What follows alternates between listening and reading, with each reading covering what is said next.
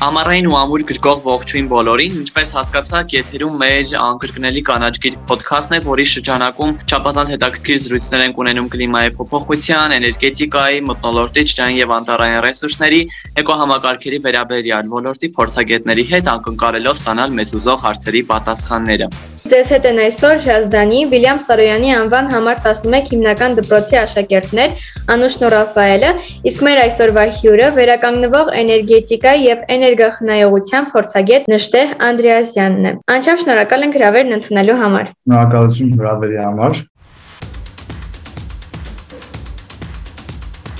Պարոն Անդրեասյան եւ առաջին հարցը, ինչպես է նախագծում արևային կայանները։ Կախված հարևային կայանի տեսակից կամ նպատակից, դա կարող լինի ինքնավար էներգոարտադրող կամ կոմերցիոն կայան, մեծամասշտաբ անգլերեն դրան ասում են utility scale, նախ որոշվում է կայանի հզորությունը, այսինքն եթե տան համար է դա արևային կայանը նախատեսված, պետք է որոշել թե արդյոք մեզ 5 կիլովատ է պետք, թե 10 կիլովատ է պետք, կախված այդ տնային տնտեսության կամ այդ ընտանիքի էներգասպառման կամ էլեկտրաէներգիայի պահանջարկի։ Բնականաբար այդ հզորությունը ինչ որ մենք ընտրում ենք բազմիցս ընթացքում նախագծման փուլում վերանայվում է հաշվի առնելով մեր օրենսդրական սահմանումները, պահանջները ինչ որ կա, նաև կայանի տեղակայման համար հասանելի տարածքի մակերեսը եւ ֆիզիկական այլ հատկանիշներ։ Ուրեմն քայլ համար առաջին կայանի հզորության ընտրությունն է։ Արևային համակարգերը բաղկացած են արևային վահանակներից, փոխակերպիչներից, լարերից կամ մալուխներից, էլեկտրական անվտանգության սարքավորումներից, իսկ եթե մեծամասշտաբ կայանների մասին է խոսք գնում, այդտեղ անհրաժեշտ են լինում ենթակայան եւ այլ սարքավորումներ։ Չմոռանանք նաեւ գրող կոնստրուկցիաներն ու հիմքերը։ Ընդհանրապես հզորությունից ելնելով ֆոտովոլտային վահանակները եւ ընտրվում են վահանակների եւ փոխակերպիչների հզորությունն ու քանակը այլ բաղադրիչների տեխնիկական բնութագրերը հաշվարկվում են վահանակների շարքերի միջև հեռավորությունները սրանք այն քրիտիկական կետերն են ինչ ինչ որ մենք հաշվի ենք առնում մոդելավորում ենք կոնստրուկցիան ինչի շրջանակներում հաշվի ենք առնում ստատիկ ինչ այդ բեռն է, որը որ, ասենք, վահանակներն են պարտադրում գրող կոնստրուկցիայի վրա, ինչպես նաև դինամիկ բեռերը տարածքի կամ հիմա դա կարող լինի հողակտոր կամ տանիք, եթե տանիքին է ամրացվում կայանը, այդ քարտեզի վրա տեղակայում ենք վահանակներն ու այլ բաղադրիչներ ու անդադ փորձում ենք օպտիմալացնել նախագիծը, որպեսզի հասնենք այն լավագույն տարբերակին, որպեսզի վահանակները մեկը մյուսի վրա ասենք ըստ վեր չգցեն կամ եթե կողմնակի այլ այսպես ասած շինություններ ծառեր եւ այլն եւ այլն կան փորձում ենք այնպես անել որ այդ ըստվերի ազդեցությունը նվազագույնի հասնի այս ամենին զուգահեռ բնականաբար նաեւ կատարում ենք արտադրողականության հաշվարկ այս ամենի շրջանակում շատ կարեւոր է որպեսզի վահանակների հզորությունը քանակը եւ առհասարակ բոլոր բաղադրիչները ընտրվեն այնպես որ միասին կարողանան ամենալավ արդյունավետությունը եւ արտադրողականությունը ապահովեն։ Սա շատ ընդհանուր նկարագրությունն է նախագծման։ Ինչպես ես հասկացա, բավականին ծավալուն ու դժվարին աշխատանք է այդ նախագծային նախագծում արևային կայանների։ Շնորհակալ եմ։ Իսկ ինչ է տալիս մեզ ճիշտ նախագծումը եւ ինչ խնդիրների առաջ կարող են կանգնել սխալ նախագծման դեպքում։ Ճիշտ նախագծումից շահագործումից եւ սպասարկումից է կախված կայանի արդյունավետությունը որևէ անճշտություն կարող է արտադրողականության կորստի սարքավորումների վնասման պատճառ դառնալ արդյունքում ձեր կատարած ներդրումը չի գոհացնելու ձեր սպասելիքները սխալ նախագծման ու շահագործման արդյունքում նաև կայանը կարող է բացասական ազդեցություն ունենալ էլեկտրական ցանցերի վրա։ Մի խոսքով, եթե ուզում ենք արդյունավետ լինի մեր ներդրումը, պիտի այից միջև OF-ն ճիշտ նախագծենք։ Պարոն Անդրեասյան, լավ, իսկ որքանով է անհրաժեշտ արևային կանոնները մարդկանց եւ ինչու՞ չէ նաեւ բնությանը։ Եկեք խոսենք մի փոքր օգտակարության եւ վնասների մասին։ Ուրեմն արևային ֆոտովոլտային կայանները համարվում են էներգա, այսպես ասած, ամենամաքուր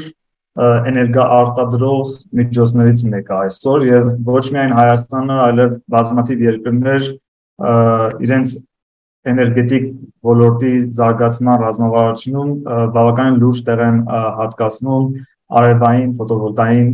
կայաններին։ Բնականաբար կան այլ տեխնոլոգիաներ, բայց ֆոտովոլտային կայանները նաև համարվում են, այսպես ասած, իրենց շահագործման ընթացքում նվազագույն ազդեցությունը ունեցող համակարգերը շրջակա միջավայրի վրա։ Սակայն չմոռանանք, թե ամբողջ այդ կենսացիկլի ընթացքում արևային համակարգերը ինչ ազդեցություն կարող են ունենալ միջավայրի շրջակա միջավայրի վրա բնականաբար արևային վահանակները պիտի արտադրվեն։ Իրենց հումք ստանալու համար պետք է լինի այդ հանքարդյունաբերության որոշակի գործունեություն։ Եթե մենք այդ բոլոր ամբողջ կենսացիկլի ընթացքում մենք դիտարկենք արևային համակարգերի ազդեցությունը շրջակա միջավայրի վրա, այդ դեպքում կարողանանք նաև պատշաճ կերպով կառավարելի դարձնենք այդ ռիսկերն ու բացասական ազդեցությունները։ Արևային ֆոտովոլտային կայաններ կառուցելու համար օգտագործում են ոչ միայն էներգետիկ նշանակության հողեր, նաև օգտագործում են գյուղատնտեսության գյուղատնտեսության համար հողեր, արոտավայրեր եւ այլն եւ այլն։ Դա արդեն իսկ ունի որոշակի ազդեցություն բացասական շրջակա միջավայրի վրա։ Հայաստանի Հանրապետությունում գործող հողային օրենսգրքում կան որոշակի սահմանումներ, որոնք կանոնակարգում են այդ հողօգտագործումը։ Եթե ճիշտ կարողանանք ներդնենք այդ բոլոր կարգավորումները, հավատացած եմ, որ մենք նաև այդ մասով խնդիրներ չենք ունենա։ Նախագծման փուլում կախված կայանի հզորությունից պիտի լինի շրջակա միջավայրի վրա ազդեցության գնահատում։ Եթե, այսինքն մենք ունենք բոլոր բաղադրիչները, բոլոր այդ mitigation, այսպես ասած, գործոնները, որպեսի նվազագույնի հասցնենք արևային կայանների ազդեցությունը շրջակա միջավայրի վրա, բայց նաև խոսեմ դրական կողմերի մասին, չմոռանանք ագրովոլտաիկը, որտեղ միասին միաձուլվում եւ համատեղվում են արևային կայանների գյուղատնտեսությունը աֆրիկյան երկրներում ինչպես նաև արևելյան ասիական երկրներում շատ տարածված է ագրովոլտայի համակարգերը, որտեղ վահանակների տակ այսպես վարուցանք է կատարվում եւ արևային վահանակները ունենում են ջերմոցի էֆեկտ, նաև այդ կատարված ցանքին պաշտպանում են անձրևից, կարկուտից, ձյունից եւ տարբեր, այսպես ասած, եղանակային իրավիճակներից։ Հաջորդ հարցը. իսկ ինչպես է տեղի ունենում արևի ռեսուրսի եւ արտադրողականության գնահատումը։ Նախ քննարկենք թե արևի ռեսուրսի գնահատում ասելով ինչ ենք հասկանում։ Տեսեք, արևային համակարգերի նախագծման արտադրողականության հաշվարկման կամ գնահատման ամենաառաջին քայլերից մեկը հենց արևի ռեսուրսի գնահատումն է։ Այսինքն է հասկանանք այդ տարածաշրջանում, օրինակ Երևանում, Գյումրիում, Արթիկում որքան արև կա տարվա կտրվածքով 1 քառակուսի մետրի վրա ինչքան մենք էներգիա ենք ստանում, որ կարողանանք կլանել եւ վերափոխել էլեկտրաէներգիայի կամ ասենք դա օգտագործենք ջրատակացման համար։ Ուրեմն դա արևի ռեսուրսի գնահատման շրջանակներում է կատարվում։ Գործընթացը լինում է հիմնականում երկու մեթոդով կամ չափումներ տեղում, այսինքն այնտեղ որտեղ որ ուզում ենք արևային համակարգը տեղադրենք, տեղակայվում են որոշակի սարքավորումներ, որոնք 1 կամ 2 տարվա ընթացքում իրենք չափում են այդ ռեսուրսը Դրան զուգահեռ նաև չափվում է քամու արագություն, ուղղություն, անձրևների ձյան քանակ, ձյան շերտ եւ տարբեր այդտեղ գործոններ կան, որ պետք է հաշվի առնել։ Մյուս մեթոդը արբանյակային նկարների միջոցով է, իսկ այսօր այս երկուսը համատեղ կիրառվում է ընդհանրապես արևի ռեսուրսի գնահատման համար։ Ասեմ, որ ինքը բավականին թանկ հաճույք է եւ նաեւ արդյունքները որոշ երկրներում, որոշ տարածքների համար անվճար հասանելի են արդեն համացանցում, իսկ որոշ ավելի խորացված ուսումնասիրության համար այդ տվյալները ձեռք են բերվում վճարովի։ 2016 թվականից Հայաստանում աշխատում է, այսպես ասած, մի ցանց, որի միջոցով մենք կարողանում ենք տարբեր շրջաններում որսանք այդ տվյալները, հավաքագրենք ու հասկանանք, որ մեր մարզերում ինչքան, այսպես ասած, արևի ռեսուրս կա, դրանից արդեն ստացել ենք արևային ռեսուրսի քարտեզներ, բայց դրանք կլիմայի փոփոխության հետ համատեղ միասին դրանք եւս փոփոխում են, ուրեմն պիտի անընդհատ թարմացնենք։ Տվյալները հավաքագրվում եւ այդ տվյալները մուտքագրում ենք համակարգչային ծրագիր, ինչպես PVC ծրագիրն է աշխարհարչակ, Նաև սահմանում ենք թե ինչ համակարգի մասն է խոսքը գնում, քանի վահանակ, քանի ինվերտոր կամ արևային փոխակերպիչ եւ այդտեղից արդեն մենք ստանում ենք թվեր թե յուրաքանչյուր ամիս եւ ընդհանուր տարվա ընթացքում մենք քանի կիլովատժամ էլեկտրոէներգիա ենք արտադրելու մեր կայանի միջոցով։ Քանի որ ֆոտովոլտային վահանակների արտադրողականությունը տարիների ընթացքում անկում է ունենում, հետեւաբար մենք այդ արտադրողականությունը հաշվարկում ենք 20-ից 25 տարվա համար, որից նաև ստանում ենք մեր տեխնիկական եւ ֆինանսական ցուցանիշները։ Պարոն Անդրեյան, ինչպես հասկացանք, այդ ամեն ինչը կատարում է մարդը, հա, ու այդ մեծածավալ աշխատանքից հետո, երբ նախագծում եք արևային կայանները, տեսնում եք, թե ինչպես նշեցիք, մեկ հա 40 կիլոմետրի վրա որքան էներգիա ենք մենք ստանում ու մնացած գործողությունները կատարելուց հետո։ Արդյոք իսկապես խորտ է տրվում օգտվել արևային կայաներից եւ ինչ նախապայմաններ են հարկավոր արդյունավետ գնահատական ստանալու համար։ Ինչպես յուրաքանչյուր լավ եւ նորարարական երևույթ, ֆոտովոլտային համակարգերը եւս թե ունեն դրական եւ թե ունեն բացասական կողմեր, ինչպես ասենք ջջային հեռախոսը, համացանցը եւ այլն եւ այլն, իրենք մեր այսօրվա կյանքի անբաժանելի մասնիկներն են եւ ունեն իրենց դրական կողմերը։ Եթե չգնահատենք ու չհասկանանք, թե դրանից ինչ բացասական կողմ կարող է լինել կամ ռիսկեր կարող են լինել, բնականաբար այս հեռախոսը եւ համացանցը կարող է չարիքի վերածվել։ Նույնը ֆոտովոլտային համակարգերի մասին կարելի է ասել խորհուրդ է տրվում արևային ֆոտովոլտային կայանների շահագործումը, եթե դուք հաստատակամ եք, պատշաճ կերպով նախագծել, տեղադրել, շահագործել եւ սպասարկել այն։ Ինչի՞ եմ անդադ շեշտադրում այս կարելի ասել 4 կետերը, որտեղ յուրաքանչյուրը շատ կարեւոր է։ Կարող ենք նախագծել հիանալի կայան, բայց տեղադրման աշխատանքների շրջանակներում շեղվենք դրանից, ստանանք վատ կայան։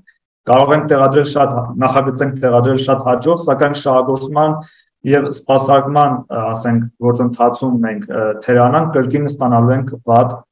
արդյունք։ Կառավարման ոլորտում հետաքրքիր, այսպես ասած, մոտեցումներ կան, ասում եմ, եթե չես կարողանում չափես, ուրեմն չես կարող կառավարես։ Նույնն էլ այստեղ է։ Մենք կայանները տեղադրելուց հետո մշտադի տարկում ենք, ունենք որոշակի ցուցանիշներ, որոնք կարելի ասել ամեն օր մենք դրանցով հետաքրվում ենք, չափում, գրանցում ու փորձում ենք հասկանալ կայանը որքանով արդյունավետ է աշխատում։ Եթե որևէ խնդիր նկատում ենք, փորձում ենք անմիջապես դրան արձագանքել եւ ստանալ այն արդյունքը, ինչի ինչը որ մենք ակնկալում ենք։ Արևային կայանը կարող է ունենալ այո դրական ազդեցություն մեզ համար կարող է ունենալ բացասական ազդեցություն շրջակա միջավայրի վրա, բայց դա կառավարելի է սակայն կա նաև հակառակ կողմը, շրջակա միջավայրը եւս ունի իր ազդեցությունը կամ մեր, ասենք, էլեկտրական համակարգը ցանցը կարող ունենալ իր բացասական ազդեցությունը արևային կայանի վրա, պետք է այդ ամենը համալիր դիտարկել եւ փորձել հնարավորինս կառավարելի դարձնել։ Մեր ուրեմն էներգետիկայի ոլորտի զարգացման ռազմավարությամբ կրկնեմ, որ բավականին լուրջ տեղ է տրված արևային համակարգերին։ Ամենօրյա զարգացում ենք ապրում, Հայաստանում արդեն իսկ մոտ 30 եւ ավելի կազմակերպություններ կան, որ գործում են այս ուղղությամբ։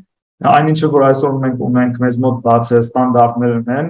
այո հետևում ենք միջազգային լավագույն փորձին, բայց հույս ունենք, որ մոտ մոտակա ժամանակներում գոնե ասենք 1 տարվա ընթացքում կունենանք նաև մեր տեղական ստանդարտը կամ ստանդարտները, ինչը որ ել ավելի կկանոնակարգի արևային ֆոտովոլտային համակարգերի նախագծում, տեղադրում, շահագործում եւ սպասարկումը։ Շնորհակալ եմ, պարոն Անդրեյսյան, իսկ արևային կանոնների նախագծողների խնդիր կա, այսինքն Երևանում, մարզերում, մասնագետի մենք կարիք ունենք։ Մասնագետներ միշտ էլ պետք են, իսկ եղած մասնագետները բոլորս էլ, ինչպես ես մենք ամենօրյա, այսպես ասած, մեր գիտելիքները թարմացնելու անհրաժեշտություն կա, որովհետև միջազգայինորեն սա զարգացող ոլորտ է, կարող է մեզ մոտ մենք մի պահ հանգիստ նստենք, ասենք որ ամեն ինչ գիտենք, բայց մեկ այլ երկրում ինչ որ նոր բացահայտում է արվել, նոր կանոնակարգ է այսպես սահմանվել, ուրեմն մենք ամենօրյա այդ ընտրտուկների մեջ ենք նորություններին հետևում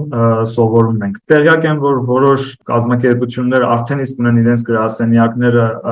մարզերում, ունենք արդեն տեղական մասնագետներ Գյումրիում, Վանաձորում եւ այլն եւ այլն միայն ուրախ ու բարդ կլինեմ, որ դա ել ավելի համատարած լինի բոլոր մարզերում։ նախագծումից հետո ով է ստուգում արդյոք ճիշտ է նախագծված կայանը թե ոչ։ Շնորհակալություն շատ կարևոր հարցի համար։ Ուրեմն կախված կայանի մասշտաբից օրենքով սահմանվում է որոշակի այսպես պահանջներ նախագիծը արդյոք պիտի էքսպերտիզա անցնի թե ոչ կամ եթե կայանը գնվում է այսպես ասած հանրային գնումների գործընթացով թե գնվում է ասենք տնային ինչ որ ասենք ընտանիքի կողմից կամ հասոլդի կողմից ուրեմն եթե կայանը ձեռք է բերվում ինչ որ համայնքի կողմից Բնականաբար նախագիծը արվելուց հետո դա պիտի անցնի էքսպերտիզա, էքսպերտիզան անց է կազմում լիցենզավորված կազմակերպությունը, որի ընթացքում ստուգվում է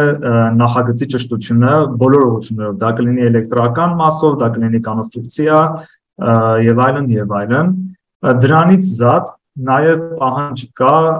շինարարության ընթացքում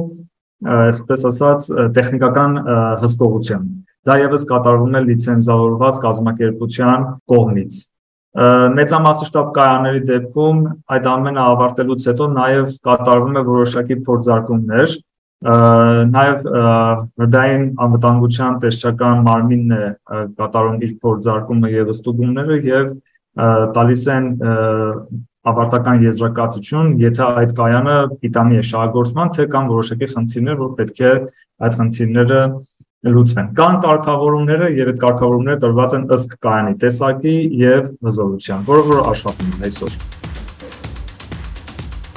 Դե պարոն Անդրեասյան, ինձ մնում է միայն շնորհակալություն հայտնել բովանդակալից ու հետաքրքիր զրույցի համար։ Համոզված եմ, որ ոչ միայն մենք, այլ նաև մեր ունկնդիրները շատ-շատ նոր բաներ բացահայտեցին այս հաղորդման շրջանակներում։ Շնորհակալություն հրավերի համար ու հաջողություն եմ մաղթում բոլորիդ։ Դե իսկ մենք հիշեցնենք, որ եթերում կանաչկիտ ոդքասթներ, մենք հասանելի ենք գրեթե բոլոր հարթակներում, բաժանորդագրվեք ոդքասթին, որպեսզի բաց չթողնեք հետագա հաղորդումները։ Իսկ մենք կհանդիպենք շատ շուտով։